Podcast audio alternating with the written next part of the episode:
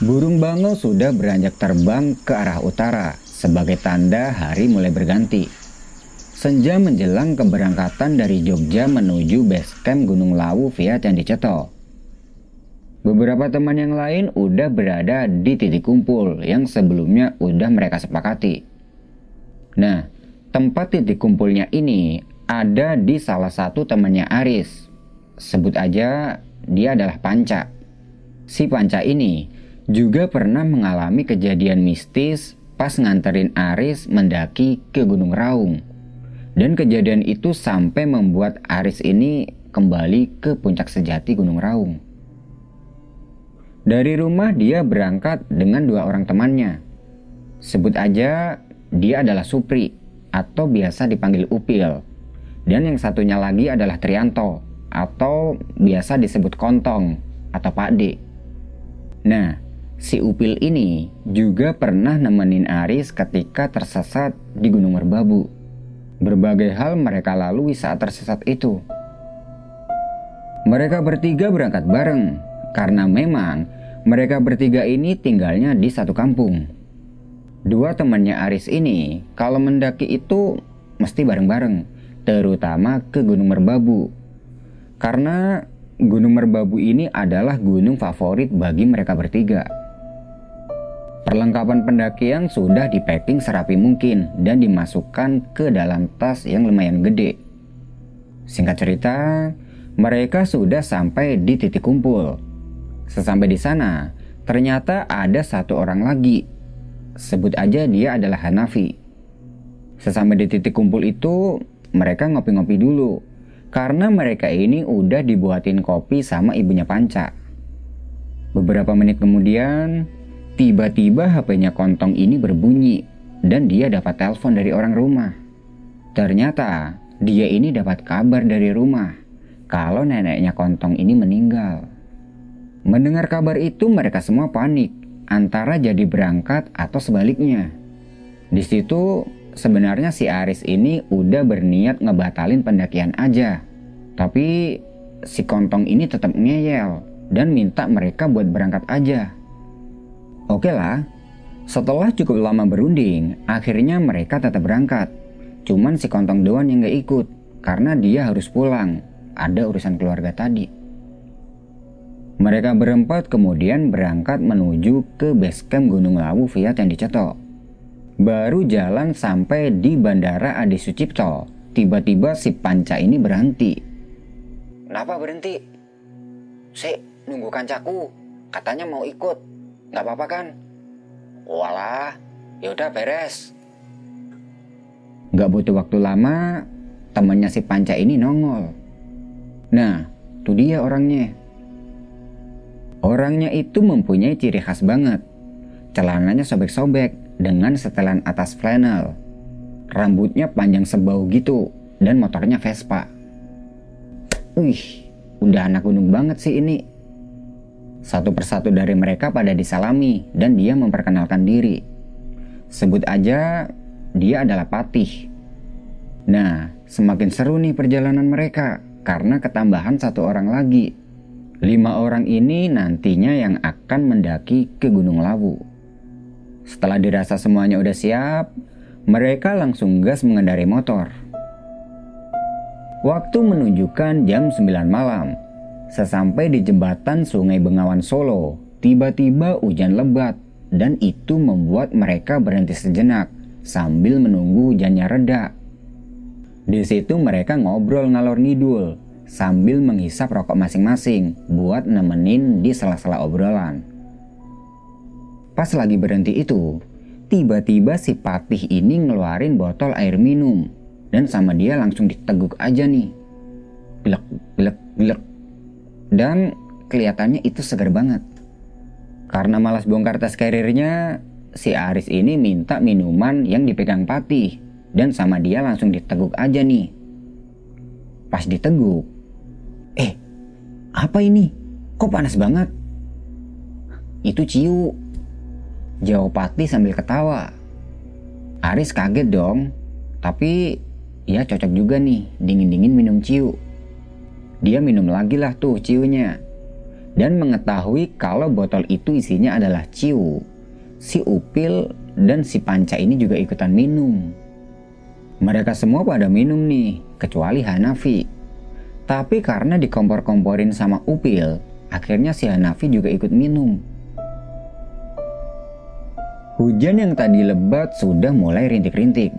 Sekitar jam 10 malam, mereka lanjut perjalanan dan malam itu jalanan udah mulai sepi. Hampir tiap 20 menit mereka berhenti untuk istirahat. Sampai minuman ciu yang dibawa Patih itu habis. Otomatis, kepala gak puyeng dong. Nah, sesampai di daerah Sarangan yang jalan menuju ke basecamp Candi Cetok itu, kepala mereka ini semakin puyeng. Mereka terus berkendara melewati jalan yang menanjak dan berbelok-belok. Dan tanpa disadari, si Aris ini ngelewatin jalanan yang berlobang. Sampai ban motornya Aris ini pecah. Dan dia langsung oleng. Tapi untungnya dia nggak sampai jatuh. Karena jam sudah menunjukkan jam satu malam, mereka memutuskan untuk tidak melanjutkan perjalanan. Mereka jalan nih sambil ngedorong motor. Mulut sompral udah mulai keluar ke sana kemari karena efek minum ciu tadi. Sekitar 10 meter kemudian, terlihat di depan ini ada tanah yang agak lapang. Mereka mutusin buat bermalam di situ dan tidur tanpa alas. Karena kepala udah puyeng dan mata juga udah blur, malam itu mereka langsung tidur nyenyak. Malam itu sunyi banget, tanpa ada bising kendaraan. Hanya terdengar suara hewan malam Suara azan membuat mereka bangun, tapi karena kepala masih pusing, mereka ngelanjutin tidurnya lagi. Jam 6 pagi, satu persatu dari mereka ini pada bangun. Dan bangun-bangun, mereka semua ini kaget. Karena ternyata mereka ini tidurnya di sebelah makam. Mereka semua langsung merinding dan saling liatin. Tanpa berpikir panjang, mereka langsung lanjut jalan sambil ngedorong motornya. Hingga akhirnya mereka menemukan tukang tambal ban. Sambil nungguin ban motor yang masih diperbaiki, mereka sarapan di warung. Singkat cerita, mereka melanjutkan perjalanan menuju ke basecamp Gunung Lawu via Candi Cetok. Sesampainya di sana, mereka beres-beres, kemudian lanjut ke pos pendaftaran. Sampai di pos pendaftaran, mereka mengisi daftar, kemudian istirahat sambil nunggu selesai urusan simaksi. Setelah itu mereka packing ulang, sekaligus mencari info di base camp. Setelah cukup lama berbincang-bincang, tidak terasa waktu sudah menunjukkan jam 12 siang. Mereka semua pada bersiap-siap nih dan tidak lupa berdoa. Berharap semoga perjalanan ini diberi keselamatan sampai turun lagi. Setelah selesai berdoa, mereka bergerak menapaki jalur setapak. Di awal-awal perjalanan dari base camp menuju ke pos 1, mereka melewati kawasan Candi Ketek. Jalanan di beberapa tempat berupa beton dan makadam hingga sampai ke Candi Ketek. Perjalanan dari base camp hingga ke pos 1 ini memakan waktu sekitar satu jam kalau ditempuh dengan perjalanan santai. Jalur juga masih cukup landai sebagai pemanasan untuk jalur dari pos 3 menuju ke pos 4 yang katanya cukup menanjak. Debu berterbangan dan berhamburan ketika kaki mereka menginjak tanah. Terkadang muncul sebuah pertanyaan dalam hati, kenapa dan apa yang dicari di gunung? Tapi ya nggak tahulah, namanya juga hobi. Dia juga udah sering banget nih tanya pada diri sendiri Kenapa dia ini bela-belain capek-capek buat naik gunung? Banyak orang yang awam dalam pendakian pun berpikir seperti itu. Ngapain capek-capek ke gunung? Enakan juga di rumah. Setelah cukup lama berjalan, sampailah mereka di pos 1 yang dinamakan Mbah Branti. Pos 1 ini berupa shelter yang cukup luas. Di sampingnya ada sedikit tanah lapang yang bisa digunakan untuk mendirikan tenda. Di pos 1 itu, mereka nggak berhenti lama, hanya sekedar mengatur nafas dan minum, kemudian lanjut perjalanan menuju ke pos 2. Setelah pos satu ini jalanan semakin berdebu. Tanah pasir pada masuk ke dalam sepatu setiap kali mereka melangkah. Padahal jalan mereka ini udah dibikin pelan-pelan loh, tapi tetap aja berdebu. Batin Aris. Woi, jalannya kasih jarak ya, soalnya debu banget nih. Teriak si Upil yang berjalan di depan. Selain debu, siang itu juga panas banget. Karena sampai di pertengahan pos 2 nanti, jalur baru mulai masuk ke hutan. Jalur setapak masih terus menanjak, dan hampir nggak ada bonusnya sama sekali. Debu sisa langkah kaki dari upil pun terus berhamburan. Eh, jalannya jauhan aja ya, yang penting saling komunikasi dengan suara. Pinta si Aris. Upil yang berada di depan dia langsung jalan duluan nunggu agak jauhan, kemudian gantian menyusul. Jadi mereka ini jalannya estafet gitu. Hanafi yang sepertinya kurang fit, dia ini jalannya jauh di belakang. Aris coba menemani Hanafi di belakang, sembari sesekali mengatur nafas yang mulai agak kedodoran. Sesekali, dari depan si Upil teriak untuk mengatur jarak biar nggak terpisah jauh. Mendengar teriakan dari Upil itu, si Aris nyaut untuk memberitahukan kalau jarak mereka ini nggak terlalu jauh dan masih bisa saling berkomunikasi. Setelah lama kemudian, si Upil ini udah nggak kedengeran ngasih aba-aba lagi. Dan aroma kopi udah mulai tercium ketika langkah kaki mereka akan mendekati shelter pos 2. Woi Pil, masih lama belum? teriak si Aris. Tapi si Upil ini gak nyaut dan dia ternyata udah sampai di pos 2. Di situ dia ini udah bikin kopi. Jam di tangan menunjukkan pukul 3 lebih 20 menit. Sore itu hanya ada mereka berlima aja yang naik via jalur cetau ini. Dari selebaran yang mereka dapatkan di pos pendakian, jarak dari pos ke pos bisa ditempuh dalam waktu satu jam aja dan itu waktu normal. Setelah mengganjal parut dengan roti dan kopi, perjalanan kembali dilanjutkan dengan posisi yang sama. Beruntungnya, dari pos 2 menuju ke pos 3 ini, jalannya nggak begitu berdebu karena tertutup banyak daun yang jatuh. Upil tetap melangkah jauh di depan sebagai leader, disusul Patih dan Panca. Sedangkan Aris, dia paling bontot dan nggak terlalu jauh dari Hanafi. Yang dari tadi Hanafi ini udah mulai berasa kurang beres dengan badannya. Pos 2 menuju ke pos 3 ini jalanannya masih sama, menanjak, tapi banyak bonusnya. Setelah cukup jauh berjalan, jalur sudah mulai rapat dengan pepohonan, berbeda dengan jalur yang di pos 1 tadi, yang agak terbuka. Sesekali terdapat tempat agak terbuka. Mungkin itu biasa digunakan para pendaki untuk beristirahat di perjalanan. Selama perjalanan itu mereka ini banyak berhentinya karena stamina udah mulai merosot. Sekitar pukul 5 lebih 15 menit, mereka tiba di pos 3. Pos 3 ini ada satu shelter di sebelah kiri jalur. Sampingnya lagi ada tanah lapang yang muat untuk dua tenda kecil, dan di sebelah kanan jalur muat satu tenda juga. Sebelum matahari terbenam, mereka bergegas mendirikan tenda dan akan bermalam di situ. Satu tenda didirikan di shelter buat dapur, dan dua tenda lagi di sampingnya.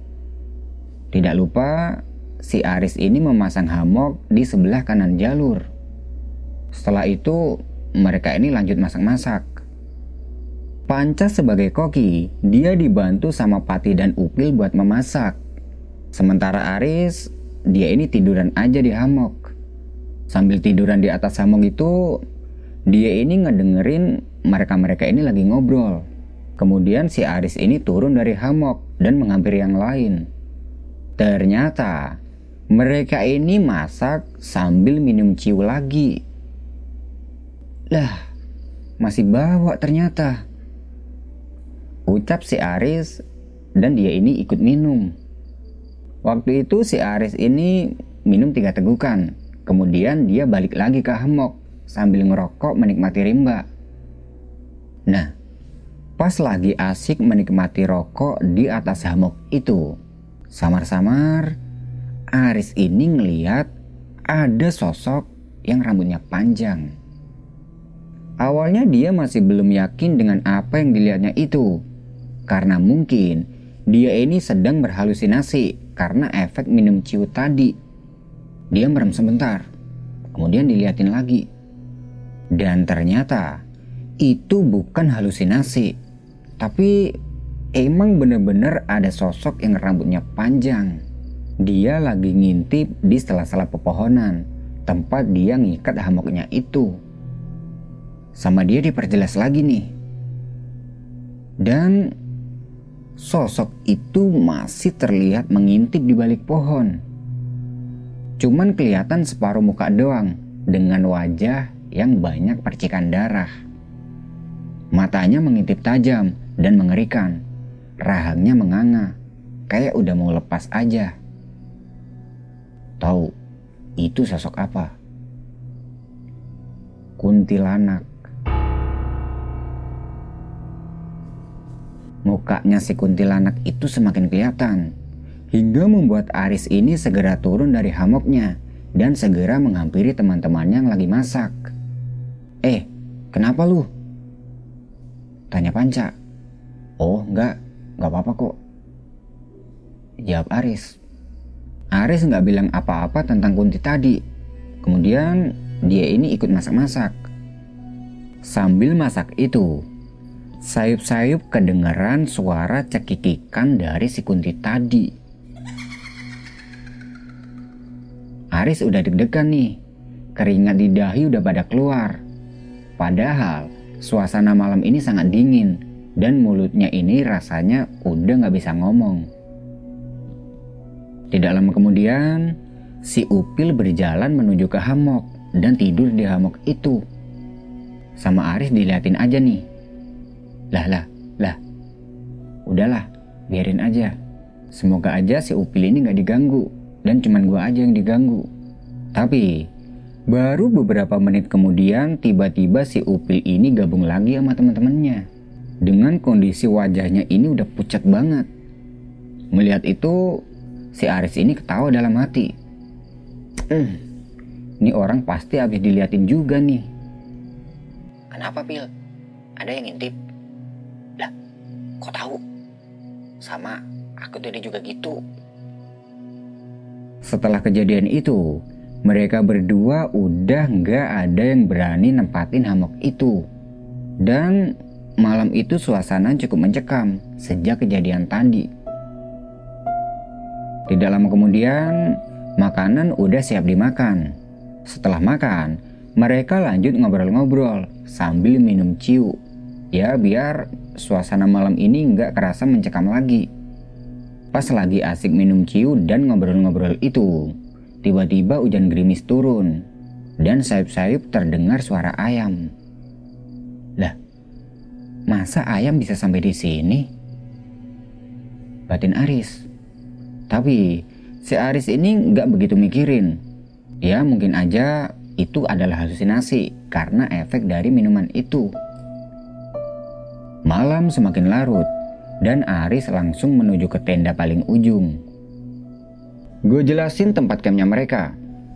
Satu tenda didirikan di dalam bangunan shelter dan tenda itu dipakai buat panca sendiri sekaligus buat dapur. Di sampingnya ada satu tenda juga yang berkapasitas dua orang, dan tenda itu dipakai Pati dan Hanafi. Yang paling kanan itu tendanya Aris yang ditempati dia sama Upil.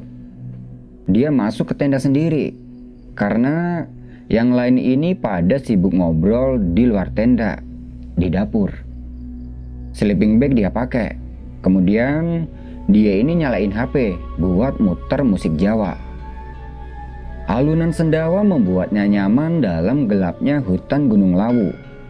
Baru beberapa menit mendengarkan suara alunan gamelan wayang, terdengar juga alunan gamelan yang sama dari luar tenda. Karena volume nggak begitu keras, jadi suara gamelan yang ada di luar itu kedengeran banget. Aris merinding nih. Sama dia langsung ganti aja dengan musik reggae dan volumenya agak dikencengin. Biar suara gamelan yang ada di luar itu nggak begitu kedengeran. Nah, dalam keadaan setengah tidur, tiba-tiba terdengar ada suara orang yang membuka pintu tenda. Krak. Lalu terdengar pintu itu ditutup lagi. Kresek, kresek. Terdengar juga suara berisik di sampingnya. Dia mengira mungkin itu adalah si Upil yang masuk tenda buat tidur. Woi, pelanin suara HPmu. Kedengeran itu suaranya Upil. Iya ya. Jawab Aris dengan suara yang agak malas gitu. Tumben si Upil ini berani nyuruh. Biasanya dia ini nggak berani. Batin Aris. Soalnya eh, selama pendakiannya bersama Upil itu, si Upil ini nggak pernah mempermasalahkan soal musik. Tapi ya karena mungkin udah terbang gara-gara minuman tadi, jadinya dianya ini berani. Sama Aris dikecilin lah tuh volumenya. Dan ketika hampir pulas, tiba-tiba pateni wae, ganggu. Matiin aja, ganggu. Ucap Upil dengan volume suara yang sedikit teriak. Tanpa menjawab, Aris langsung matiin HP-nya aja sekalian. Malam itu nggak ada yang berarti dalam keadaan nyata. Hanya mimpi buruk yang agak mengerikan. Saat itu dia ini mimpi bertemu sosok kuntilanak yang mengintip tadi. Jadi dia ini tiba-tiba ada di sebuah pohon, berdiri tegak dengan seutas tali yang mengikat badan dan tangannya. Dia nggak bisa ngomong, cuman tercengang aja. Kemudian, sosok kuntilanak itu mencengkeram lehernya Aris. Nafas udah seakan nggak bisa keluar. Matanya sosok itu terus melotot, seakan-akan uh, dia ini marah banget sama si Aris. Dia langsung terbangun, dan ternyata saat itu udah pagi. Pelan-pelan dia ini duduk dengan keadaan nafasnya ini masih ngos-ngosan. Di dahinya ini kerasa udah basah oleh keringat. Sama dia diusap dong, dan dia ngusapnya itu sampai ke leher gini. Tapi kok pas sampai di leher ini rasanya perih banget. Sama dia dilihatin nih tangannya. Dan di telapak tangannya Aris ini tiba-tiba ada darah. Dia mikir, duh, ini mimpi apa nyata sih? Tapi emang kejadian yang tadi itu kerasa nyata banget. Ini maksudnya apa? Kalau memang tadi itu mimpi, kenapa di lehernya ini ada bekas cengkeraman yang keluar darah? Tapi ya udahlah, dia nggak begitu mikirin. Di sampingnya Aris ini udah nggak ada orang. Mungkin si Upil ini udah bangun dan dia udah masak pagi itu. Dia langsung bangun dan mengambil kotak P3K buat ngobatin lehernya. Setelah itu, dia ini langsung keluar dengan keadaan yang masih sedikit oling gitu karena efek minuman semalam. Di luar tenda itu dia langsung gabung sama teman-temannya di dapur. Dan pagi itu terlihat ada Hanafi, Panca, dan si Patih mereka ini lagi jongkok melingkar. Udah kayak main kartu aja nih bocah. Batin Aris. Dia ngeliat ke tendanya Panca. Dan di situ dia ini ngeliat Upil yang masih tidur nyenyak. Lah, itu si Upil udah pindah tidur aja. Ucap Aris. Udah semalam dia tidur di situ. Tidurnya sama aku kok. Lah, aneh kan? Kata si Panca, semalam Upil ini tidur sama dia. Lah terus, siapa yang tidur sama Aris semalam? Dan siapa yang nyuruh dia matiin musik dan segala macam? Pagi itu si Aris ini kembali tercengang. Bulu kuduknya berdiri setelah mengetahui semua itu. Hari semakin siang dan makanan udah siap dimakan. Kejadian malam itu perlahan dia lupain. Upil dibangunin nih untuk gabung makan bareng. Tapi dianya agak susah karena saking nyamannya dia tidur. Hanafi, Panca, dan Patih udah makan duluan. Sedangkan si Aris ini masih nungguin Upil. Sisain buat aku dan Upil aja lah.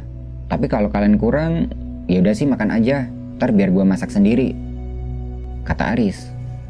Setelah selesai makan, mereka bertiga bersiap-siap akan melanjutkan perjalanan. Eh, aku duluan aja gimana? Si Upi lama banget soalnya. Kata Panca. Oke siap, ntar aku susul sama Upil kalau udah selesai makan. Jawab Aris. Nggak butuh waktu lama, mereka langsung bergegas dan waktu itu sudah menunjukkan pukul 7 pagi. Setelah yang lain ini udah berjalan agak jauh, Aris ingat dengan hamoknya semalam. Dia tengok lagi ke hamok itu. Dan kuntilanak itu masih ada dan masih ngintip di balik pohon. Ini mimpi apa nyata sih? Batinnya. Dia langsung ngebangunin si Upil nih. Eh, Pil, Pil, Pil. Woi, bangun, udah pagi. Teriak Aris sambil menggoyang-goyangkan kaki dan badannya Upil. Upil mulai bangun, meskipun dia ini masih kelihatan ngantuk banget. Setelah bangun, dia ini celingukan, nyariin teman-temannya. Dan sama Aris dijelaskan kalau teman-temannya yang lain ini udah duluan karena kelamaan nungguin dia tidur. Mereka berdua kemudian bergegas menyiapkan makanan dan bekal untuk melanjutkan perjalanan. Setelah selesai makan dan peralatan udah terpacking di dalam ransel, mereka lanjut jalan buat nyusulin teman-temannya tadi. Tanjakan pertama mereka lewati sambil pegangan pohon di samping jalur. Dan belum sampai lima langkah mereka berjalan, Upil yang berjalan di depan tiba-tiba jatuh. Sama Aris dideketin. Dan ternyata di dekat kakinya si Upil ini ada tangan yang pucat banget, tepatnya di balik semak-semak. Dan tidak lama kemudian, ada kepala yang muncul. Kepalanya itu cuman kelihatan dahinya doang aja segini, nggak sampai ke matanya. Dia langsung bantuin Upil buat berdiri dan cepat-cepat ngajakin dia untuk lanjut berjalan tanpa memberitahukan sosok yang dilihatnya tadi. Gila, pagi gini apa mungkin ya makhluk halus ini masih muncul? Atau mungkin aku ini masih mabuk karena minuman semalam. Itulah yang dia pikirin. Sama halnya pas dia ngeliat Kunti tadi pagi, pas masak. Gangguan pagi masih terus berlanjut sampai nanti dia di pasar setan. Tapi ya cuman gangguan-gangguan biasalah kayak suara-suara gitu. Pas lagi jalan itu, tiba-tiba mereka ini mendengar ada suara gemerincing. Eh, Bung, ada sate kah? Kata si Upil. Udah wis, diem aja. Gimana kakimu? Masih bisa lanjut nggak? Jawab Aris. Lumayan sih, jalannya pelan-pelan aja. Saud Upil. Suara gemerincing masih terus terdengar di sepanjang perjalanan. Dan mereka mengusahakan tiba di pos 4 buat nyusul teman-temannya tadi. Dari pos 3 menuju ke pos 4 ini, jalurnya menanjak banget dan nyaris tanpa bonus. Langkah kaki terasa malas untuk mengarahkan pandangan ke depan karena melihat tanjakan demi tanjakan. Dan di sini, si Aris ini teringat dengan perjalanan beberapa tahun lalu ke Gunung Raung. Sesampai di pos 4, mereka belum ketemu sama teman-temannya di situ mereka rehat sebentar, kemudian lanjut jalan lagi. Tidak berselang lama, di balik bukit samar-samar mulai kelihatan tiga temannya tadi. Mereka-mereka ini sedang asik jebret-jebret, mengambil momen dengan gayanya yang gak karu-karuan. Si Aris nerakin teman-temannya tuh, dan teman-temannya ini pada ngebales. Setelah bertemu, mereka ini pada istirahat dan ngomongin hal-hal yang gak penting. Setelah cukup istirahat itu, mereka kembali melanjutkan perjalanan. Panca berjalan di paling depan, disusul oleh Hanafi, Patih, Upil, dan Aris di paling belakang. Mereka berjalan berurutan gitu, kayak semut. Langkah kaki udah nggak kehitung lagi. Dan setelah melewati tanjakan ini, mereka ini berharap bertemu bonus. Tapi tetap aja nggak ada bonus. Yang ada cuman tanjakan demi tanjakan yang terus dan harus mereka lewati. Setelah cukup lama melewati tanjakan ini, di atas kelihatan vegetasinya ini udah kebuka. Mereka berjalan kayak tadi, nggak buru-buru. Yang penting bisa sampai di tempat tujuan. Karena capek, mereka riat sejenak buat minum, sekalian buat ngembaliin stamina. Jalan masih menanjak sampai di atas bukit. Setelah itu mulai banyak jalan yang melandai dan banyak bonus. Padang rumput coklat kehitaman mulai terlihat di separuh perjalanan menuju ke pos 5. Sisa kebakaran beberapa waktu lalu meninggalkan jejak hitam. Tapi rumput hijau pun udah mulai tumbuh. Mungkin beberapa bulan lagi padang sabana ini akan kembali hijau. Tidak terasa pos 5 bulak peperangan udah ada di depan mata mereka. Di pos 5 itu gak ada shelternya, cuman papan penunjuk yang menunjukkan kalau ini adalah area bulak peperangan yang letaknya itu berada tepat di bawah sebuah pohon besar. Mereka celingak-celinguk mencari spot buat rebahan. Dan di bawah sebuah pohon besar, mereka ini duduk bareng. Di tempat itu mereka melewatkan waktu yang cukup lama hanya untuk menikmati sabana di lereng Gunung Lawu ini. Gak heran, beberapa pendaki menyebut pendakian Gunung Lawu via Candi Ceto ini sebagai Semeru Mini. Kalau biasanya lewat Cemoro Sewu dan Cemoro Kandang, kita nggak bakal bisa menikmati sabana jalur via Ceto ini. Cuman referensi aja sih, kalau kalian mendaki ke Gunung Lawu via Candi Ceto dan ingin bermalam, pos 5 bulak peperangan ini adalah tempat yang paling tepat. Di area pos 5 atau setelahnya, terdapat area datar yang sangat luas yang bisa menampung hingga puluhan bahkan ratusan tenda. Setelah itu mereka bergegas meninggalkan pos 5 yang diapit beberapa bukit. Tidak jauh melangkah, tanjakan akan melewati bukit yang kata banyak pendaki itu adalah miniaturnya Bukit Cinta Gunung Semeru. Nah, mereka berjalan dari pos 5 Bulak Peperangan menuju ke pos 6, yaitu Gupakan Menjangan. Setelah berjalan melewati savana, mereka bertemu dengan tanjakan yang cukup ringan. Edelweiss bermekaran di bukit-bukit. Jalur melandai melintasi sabana, hingga akhirnya mereka sampai di pos 6 Gupakan Menjangan. Mendekati jam 11 siang, mereka lanjut jalan menuju ke Pasar Dieng. Rasa-rasanya mereka ini nggak mau ninggalin tempat yang sekeren ini. Tapi perjuangan masih panjang menuju ke puncak Gunung Lawu ini. Perjalanan dari Gupakan Menjangan menuju ke Pasar Dieng ini masih melewati padang savana.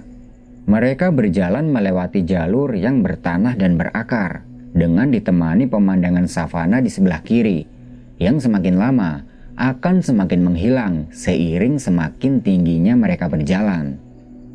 Pohon cantigi yang mendominasi di antara sabana yang luas menjadi pertanda bahwa mereka sudah sampai di pasar Dieng. Bahkan, pohon-pohon pendek Edelweiss tumbuh di antara bebatuan. Nah, sesampai di pasar Dieng, Tiba-tiba kabut yang sangat tebal turun dan menghalangi pandangan mereka. Gak ada pepohonan besar di sini dan itu membuat angin berhembus dengan kencang. Di tempat ini vegetasinya udah terbuka dan kalau ngelihat ke atas, itu area harga dalam udah bisa dilihat. Mereka terus berjalan melewati area pasar Dieng ini. Dan di sebelah kanan mereka berjalan, itu kayak ada sebuah kubangan air gitu. Semakin dekat, kelihatan ada banyak banget bulu ayam yang berserakan di samping kubangan air itu. Aneh-aneh wae, masa di gunung mau bikin ayam bakar? Ucap si Panca. Itu ritual cari ilmu, Bung. Udah wis, lanjut jalan aja. Kata si Aris. Pasar Dieng ini merupakan gerbang masuknya makhluk-makhluk gaib yang menghuni gunung ini. Pasar Dieng di Gunung Lawu ini mungkin bisa disamakan dengan pasar bubrah di Gunung Merapi. Mereka mengabaikan semua itu dan terus berjalan hingga sampai di area Hargo Dalem. Menurut cerita yang berkembang di masyarakat, di sanalah Sang Prabu melakukan moksa, meleburkan raga dan sukma untuk mencapai kesempurnaan jati. Mereka melanjutkan perjalanan menuju ke puncak Hargodumiling dengan ketinggian kurang lebih 3200 meter di atas permukaan laut. Puncak ini juga memiliki cerita nih. Dan saat itu otaknya Aris ini bercampur aduk yang terkadang dia ini bisa mengingat kejadian lama. Setelah Prabu Brawijaya V Moksa, di sinilah kedua orang spiritualis pemomong raja-raja besar Nusantara ikut menyusul sang Prabu. Mengeja alus ing papan Semar menjadi Kilura Semar Badranaya. Sambil berjanji, kelak setelah 500 tahun lebih sedikit akan kembali ke Tanah Jawa untuk mendampingi momongannya yang bertugas njecekake Soko Grubongso. Sebagaimana pralampita yang termaktub dalam serat Jongko Joyoboyo, bahwa kembalinya Kisabdo Palon dan Nayo Genggong akan ditandai meletusnya Gunung Merapi hingga terbelah menjadi dua di tengah kawahnya, dan Surabaya akan tersambung dengan Madura. Setelah dari puncak Hargodumiling, mereka lanjut menuju ke puncak Hargodumilah yang memiliki ketinggian kurang lebih 3265 meter di atas permukaan laut dan itu merupakan puncak tertinggi Gunung Lawu. Di mana pada saat musim kemarau, di tempat ini suhunya bisa mencapai 5 derajat Celcius. Jalur menuju ke puncak Hargodumila ini sangat jelas dan gak ada kemungkinan kita buat kesasar. Sebuah monumen di puncak sudah menyambut mereka. Dan di situ mereka ini teriak-teriak karena saking senangnya udah sampai di puncak. Mereka sangat bersyukur karena perjalanan ini sudah bisa sampai di puncak Gunung Lawu. Entah ini udah yang keberapa kali si Ares ini menginjakan kakinya di puncak ini. Woi, kamera-kamera, mana kameranya?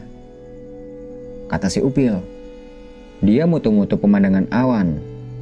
Dan di bawah puncak Argodomilah terdapat sendang derajat yang menjadi salah satu tempat penggemblengan bagi calon presiden RI agar bisa menjadi presiden yang bersifat ayom, ayem, tentrem, serta mampu memberikan berkah agung untuk bangsa dan negaranya. Cukup lama di puncak, langit tiba-tiba menghitam, disertai kabut tipis. Rintik-rintik air kabut pun menetes. Lapar boy, ayo buruan turun bung. Sama nih, mampir di warung Boem yuk. Ya ayo, udah mau hujan juga nih. Mereka langsung kembali turun dan menuju ke warungnya Boem. Yang di situ ada seekor monyet peliharaannya. Di warung itu, mereka langsung pesan makan dan minum. Dan dalam hitungan menit, itu makanan udah habis mereka santap. Setelah makan, mereka asing ngobrol hingga waktu sudah menunjukkan jam 3 sore. Karena malas bertemu dengan malam di jalur, mereka segera membayar dan lanjut turun. Nah, baru aja melangkah keluar dari warung, tiba-tiba hujan turun cukup deras dan membuat mereka kembali masuk ke dalam warung. Gimana nih? Pakai mental aja ya? Ning se, nunggu agak terang. Lanjut wae, Em. Em, sampai lanjut wae ngancani Pati. Nanti aku nyusul bertiga. Yaudah, beres wis. Jawab Aris sambil memakai mantelnya. Aris dan Pati beranjak keluar dan menerabas hujan yang cukup lebat ini. Saking semangatnya karena efek perut kenyang, membuat langkah kaki mereka berdua ini jalannya cukup cepat hingga sampai di persimpangan Pasar Gieng. Kanan apa kiri, Em? Tanya si Pati. Kiri. Jawab si Aris. Sebenarnya, di persimpangan itu masih harus lurus sedikit, baru setelah itu ke kiri. Tapi, tanpa disadari si Patih ini langsung aja ambil kiri. Nah, di sinilah kejadian demi kejadian dialami oleh mereka berdua. Jadi, mereka berdua ini tersesat. Dan selama tersesat itu, banyak banget kejadian horor yang mereka berdua alami. Seakan-akan mereka berdua ini nggak dibolehin keluar dari hutan Gunung Lawu ini. Sekitar 20 menit berjalan di jalur kiri, si Patih ini tiba-tiba berhenti. Bener nggak M ini jalannya? Masa di depan ada musola? Kayaknya tadi pas kita naik nggak ada deh. Ucap si Patih. Aris langsung lihat ke depan. Dan memang di depan ini dia lihat ada musola. Dia bergerak ke depan, diikuti oleh Patih di belakangnya untuk memastikan musola tersebut. Nah, tepat di depan pintu musola, dia ini ngeliat ada sosok berbaju putih yang sedang duduk bersila. Kalau dari perawakannya sih, kelihatan dia ini sedang melakukan ritual. Melihat itu, dia langsung mengendap mundur pelan-pelan, diikuti oleh Patih. Lalu, sosok itu memutar kepalanya 180 derajat tatapannya itu ngeri banget dan membuat dada ini bergetar hebat. Sosoknya itu, matanya melotot, seolah marah melihat mereka berdua. Tanpa reaksi takut, Aris cuma menunduk dan balik badan. Pas udah balik badan, eh ternyata si Patih ini udah lari. Aris langsung kejar Patih, kemudian dia pegang biar tenang. Bung, tenang ya, Gue juga takut. Tapi kita harus bisa kontrol. Aku udah sadar kalau kita ini salah jalur. Dia bilang gitu ke Patih. Si Patih cuman ngangguk aja. Sepurone yo, iso sampai salah jalur kayak gini. Saiki aku manut ke WM. Halah, santai aja bung. Jawab si Aris. Kali ini Aris di depan untuk kembali ke pasar Dieng. Tapi udah satu jam mereka lalui, mereka nggak juga sampai kembali di pasar Dieng. Sambil terus jalan, dia melihat ada sebuah batu besar. Leren sik bung, rokokan dulu. Ucap Aris ke Patih. Si Patih cuma ngangguk aja lagi dan sepertinya dia ini udah amat ketakutan. Woi, santai-santai. Ucap Aris ke Pati. Tepat di bawah batu besar, mereka ini istirahat. Aris ngasih rokoknya ke Pati buat ngilangin rasa panik. Pas lagi asik ngerokok, tiba-tiba buajingan. Mulut sompralnya Aris ini keluar. Sama Pati ditanya nih, kenapa em? Semut bung, kaget dicokot bokongku ini. Dia jawab gitu sambil bohong. Dia nggak bilang jujur ke Patih. Dan sebenarnya dia ini kaget karena tepat di depan matanya itu ada kepala yang jatuh. Kedua matanya melotot dan hidungnya ini penuh ingus. Mulutnya keluar lendir, bercampur darah. Matahari semakin surup. Suara azan samar-samar terdengar dan mereka masih dalam keadaan tersesat. Dilihat jam tangan, sudah menunjukkan jam 6 kurang 15 menit. Selepas maghrib, tanpa basa-basi si Aris ini ngajakin Patih kembali berjalan dan berharap gak ada gangguan kepala busuk yang menjijikan tadi. Keanehan-keanehan masih terus mengiringi hingga hal-hal di luar nalar pun masih menyertai perjalanan mereka. Mulai dari suara rintihan kuda hingga tangisan bayi. Bersamaan dengan itu, mereka terus menapaki tebing yang sangat tinggi. Dan kalau saja konsentrasi hilang sedikit, akibatnya akan fatal. Bisa-bisa mereka ini tergelincir ke dalam lembah yang cukup curam. Si Patih udah sangat kelelahan dan Aris ngajakin dia buat istirahat. Meskipun tanpa dia minta. Pas istirahat itu, terlihat si Patih ini kayak kebingungan gitu. Tangannya bergerak gak karuan, merogoi semua saku jaket dan celananya. Tuh, kenapa ini bocah? Apa mungkin gejala kerasukan ya? Batin Aris. Hei, Bung. Kenapa? Anu.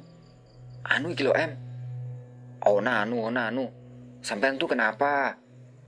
Anu, Em. Dompetku kok nggak ono yo? Walah, tak kira kesurupan, Bung. Serius ini, Em. Dompetku beneran nggak ada. Apa mungkin diambil tuyul ya, Em?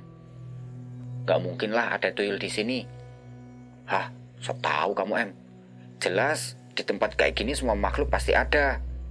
Coba kasih tahu kenapa tuyul nggak mungkin ada di sini. Lak ngeyel caiki. Gini, Bung. Tak kasih tahu. Sampean tahu kan betapa dinginnya di sini? Kita yang pakai jaket super tebal aja masih kerasa dingin. Apalagi tuyul yang cuma pakai celana pendek kayak popok. Jelas kedinginan itu, Bung. Mana mungkin tuyul berani naik gunung. Sialan. Tapi benar sih katamu, M. Error juga nih bocah. Padahal tadi dia sendiri yang nitipin dompetnya ke Aris pas di warungnya Boyem. Akhirnya ia diberitahulah kalau dompetnya itu dia yang bawa.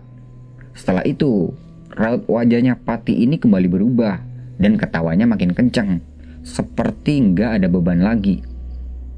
Mereka berdua ketawa-tawa nih karena kekonyolan si Patih itu. Ya lumayan lah buat ngilangin rasa mencekam malam ini. Gak lebih 20 menit istirahat, mereka putuskan untuk lanjut jalan lagi. Mereka berjalan melewati jalur yang bertanah dan berakar dengan ditemani poncen tinggi di sebelah kiri. Hewan malam yang biasanya mengiringi pun gak berbunyi sama sekali. Seakan-akan kayak ada sesuatu yang menutupi gitu. Woi, woi mas. Mereka berhenti untuk memastikan sayup-sayup suara itu.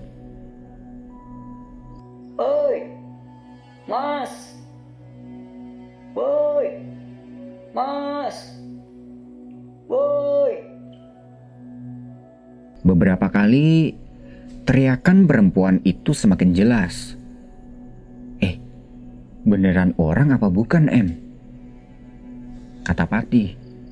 Tanpa menjawab, mereka bergerak sedikit sambil ke atas tebing yang jalannya itu mirip anak tangga dari batu hitam sebesar rumah.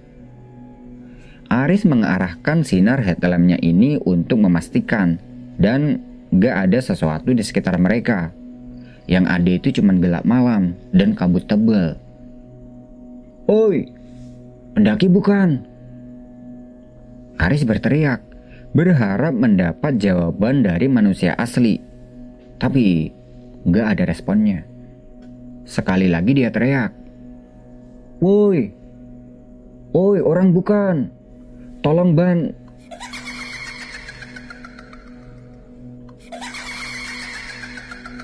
Bukannya mendapat balasan malah mendengar suara cekikikan perempuan. Dan suaranya itu serem banget. Ini si Patih denger juga nggak ya? Ucapnya dalam hati. Ari segera turun buat menghampiri si Patih untuk memastikan keadaannya. Dan baru aja sampai di tempat Patih, suara cekikikan itu kembali kedengeran. Patih noleh nih ke arah Aris dan sepertinya dia juga mendengarkan hal yang sama. Wis, gak bener iki. Jalan lagi, Bung. Aris mengajak Patih buat cepat-cepat menjauh dari area tersebut. Kerlit lampu terlihat tidak jauh dari tempat mereka berhenti. Kabut tebal dan air hujan mereda, berganti dengan angin kencang. Suara demit kuntilanak samar-samar mulai menghilang. Mereka terus berjalan menyusuri jalanan yang sangat licin. Entah berapa kali dia dan Pati ini terjatuh. Sinar headlamp yang hanya sebatas menerangi jalan setapak beberapa meter ke depan. Sesekali pandangan mereka ini diarahkan ke atas untuk melihat suasana. Satu jam lebih mereka udah berjalan dan tanpa istirahat. Stamina semakin menurun dan membuat mereka harus beristirahat. Nah, ketika sedang istirahat, terdengar ada suara.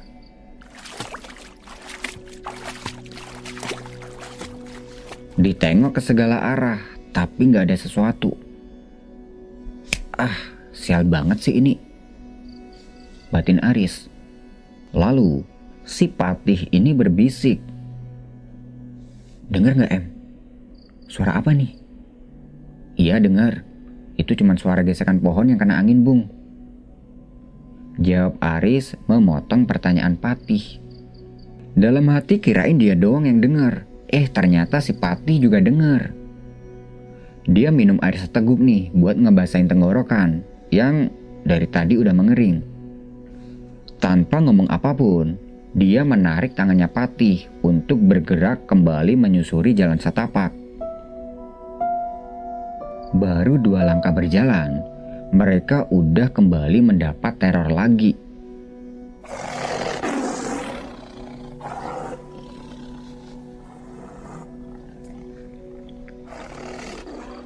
Suaranya menggema dan sangat mengerikan. Dengkul ini udah terasa copot dengan sendirinya. Dan seketika itu, badan terasa lemas. Apa itu auman harimau? Yap, betul banget. Mereka berdua cuman saling memandang dan mengucapkan salam atas kehadiran suara yang gak lazim itu. Ini udah gak masuk akal. Bukankah harimau Jawa ini udah lama punah?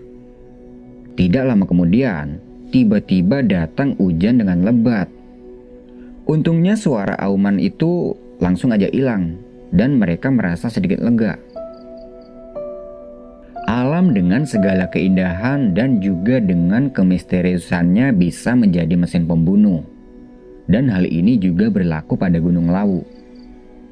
Bulan separuh terlihat di antara ranting pepohonan Angin berhembus dari berbagai arah, dan tidak jauh dari mereka, kabut udah lebih terbuka. Mereka terus melangkah dengan pelan, dan pas lagi jalan ini, si Patih memegang pundaknya Aris, sambil dia bilang, Eh, em, arah jam 2. Spontan, si Aris ini langsung nengok ke arah yang dimaksud Patih. Terlihat Sinar headlamp menerangi tiga pohon tua yang berbalut kain putih. Seketika mereka berhenti. Tahu, ada apa di sana? Pocong. Dan itu bukan cuma satu, tapi ada tiga. Rahangnya pocong itu menganga gak jelas. Wajahnya hitam menyerupai arang mata dan hidungnya ini gak begitu terlihat. Dan itu pocong tiba-tiba muncul dari balik pepohonan. Dengan kepala yang agak sedikit miring itu seakan-akan pocong-pocong itu sedang mengintai mereka. Buh, bulu kuduk langsung berdiri. Aris langsung alihkan pandangan ke arah jalur dan dia bilang ke Patih. Eh, Bung, ikutin aku, Bung. Fokus ke arah punggungku aja. Mereka kembali menyusuri jalur yang semakin gak jelas. Beberapa langkah kemudian, kembali lagi dia toleh ke kanan kiri. Berharap bungkusan tadi udah hilang. Tapi syukurlah, dia udah gak ngeliat bungkusan itu lagi. Dia kembali ngeliat ke depan, dan bau busuk tercium sangat menyengat. Sampai-sampai itu nusuk banget di hidung. Bebarengan dengan itu, kedengaran juga suara anak ayam. Wih, jangkrik! Teriak Aris. Karena dia ini dikagetkan tiga sosok pocong yang sedang tiduran di tengah-tengah jalur. Seakan-akan pocong-pocong itu pengen menghadang mereka agar mereka ini nggak bisa lewat. Pati yang melihat kalau Aris ini sedang ketakutan, dia nggak banyak omong Tangannya ini cuman megangin tas karirnya Aris. Uh, di situ pikiran udah kacau banget. Apa yang harus mereka lakukan? Jadi, kayak gimana ya? Seakan-akan malam yang mencekam ini nggak ngebolehin mereka pergi dari sini. Mereka berdua melangkah pelan-pelan menjauh dari demit-demit sialan itu. Jalannya merayap kayak keong, biar nggak ketahuan. Nafas mereka ini dibuat setenang-tenangnya, dan entah udah sampai di mana mereka tersesat ini. Nah, pas jalan itu, Seringkali mereka ini ngeliat kupu-kupu yang warnanya dominan hitam. Tapi di tengah kedua sayapnya terdapat bulatan besar berwarna biru mengkilap. Ternyata, kupu-kupu itu menjadi pertanda kehadiran mereka ini mulai disambut atau diizinkan oleh penjaga utama Gunung Lawu. Mereka biarin aja kupu-kupu itu hingga di kepala dan pundak. Dan hewan itu mengikuti perjalanan mereka untuk beberapa saat. Jadi, kupu-kupunya ini kelihatan jinak banget dan gak takut dengan keberadaan manusia. Jangan mengganggu, mengusir, dan membunuhnya. Tapi, gak ada larangan atau pantangan kalau pengen memotret. Itu pun kalau bisa. Sempet juga dipotret nih sama Aris. Tapi hasilnya cuma hitam dan gelap, gak kelihatan apa pun. Setelah lama berjalan, mereka jongkok sebentar buat ngatur nafas yang udah ngos-ngosan. Langit kelihatan lebih cerah dari sebelumnya. Mereka istirahat tepat di samping kanan sebuah pohon, yang pohonnya ini seperti pohon pinus yang berbalut kain putih mirip kain kafan. Nah, di lokasi itulah terjadi momentum sejarah dan momentum spiritual saat di mana terjadinya pertemuan pertama kalinya dengan sang jalak lawu. Burung jalak ini berwujud mirip seperti burung jalak khas Gunung Lawu, tapi warna bulunya itu agak beda. Karena jalak lawu yang biasanya itu berwarna hitam pekat, sedangkan yang ini warna bulunya itu coklat tua dan sedikit gelap. Sedangkan paruh dan kakinya ini berwarna kuning gading. Jalak itu tampak menghampiri keberadaan mereka dan hinggap di dahan yang jaraknya itu sekitar 2 meteran lah dari tempat mereka. Aris mengulurkan tangannya ke burung itu dan dia ini sangat terkejut karena burung jalak itu tiba-tiba hinggap di telapak tangannya. Cuman beberapa detik doang, kemudian burung itu meloncat ke tanah dan berjalan menyusuri tanah. Mereka mengikuti burung itu karena burung itu sepertinya menuntun dan membawa mereka untuk memasuki halaman sanggar pemelangan bawah arsa. Dan benar saja, burung itu menunjukkan sesuatu. Dianya ini kayak muterin batu besar gitu. Setelah itu, dia hinggap di dahan pohon. Matanya menatap ke arah mereka berdua dengan tajam. Lalu tiba-tiba kepala ini kayak terasa pusing banget gitu sampai nggak tahu apa yang udah terjadi. Bleh, bleh, bangun bleh. Pelan-pelan si Aris ini ngebuka mata dan samar-samar dia melihat teman-temannya sedang duduk melingkar di kanan kirinya. Tahu dia di mana? Tiba-tiba aja dia ini ada di dalam tenda. Lah, bingung dong. Kok tiba-tiba dia udah berada di tenda? Si Upil ngasih dia air mineral dan sama Aris ini langsung diminum. Setelah minum beberapa teguk air, dia ingat dengan Patih dan si Patih ini nggak ada di situ. Eh, si Patih mana? Ada kok di tendaku. Jawab Panca. Tanpa disadari, dia tidur lagi. Dan kali ini dia udah nggak mengalami apa-apa lagi. Sampai besoknya, dia bangun dan udah nggak ada gangguan kayak sebelumnya. Yang pertama dia lihat saat buka tenda adalah Pati. Di sampingnya ada dua teman-teman lain. Mereka ini sedang mengitari kompor untuk membuat sarapan. Setelah makan dan segala macam, tepat jam 8 pagi mereka mulai berjalan turun meninggalkan tempat camp. Hanya dengan cara menyatu dengan alam, dia bisa keluar dari ganasnya hutan Gunung Lawu itu. Dan itu membuktikan kalau hidup ini untuk melindungi hutan dari kebakaran, menjaga hutan agar tetap bersih. Bahkan, sering kali menolong para pendaki yang tersesat. Sakit atau ikut mengevakuasi jika ada korban adalah motivasi baru dalam hidupnya Aris hingga sampai saat ini.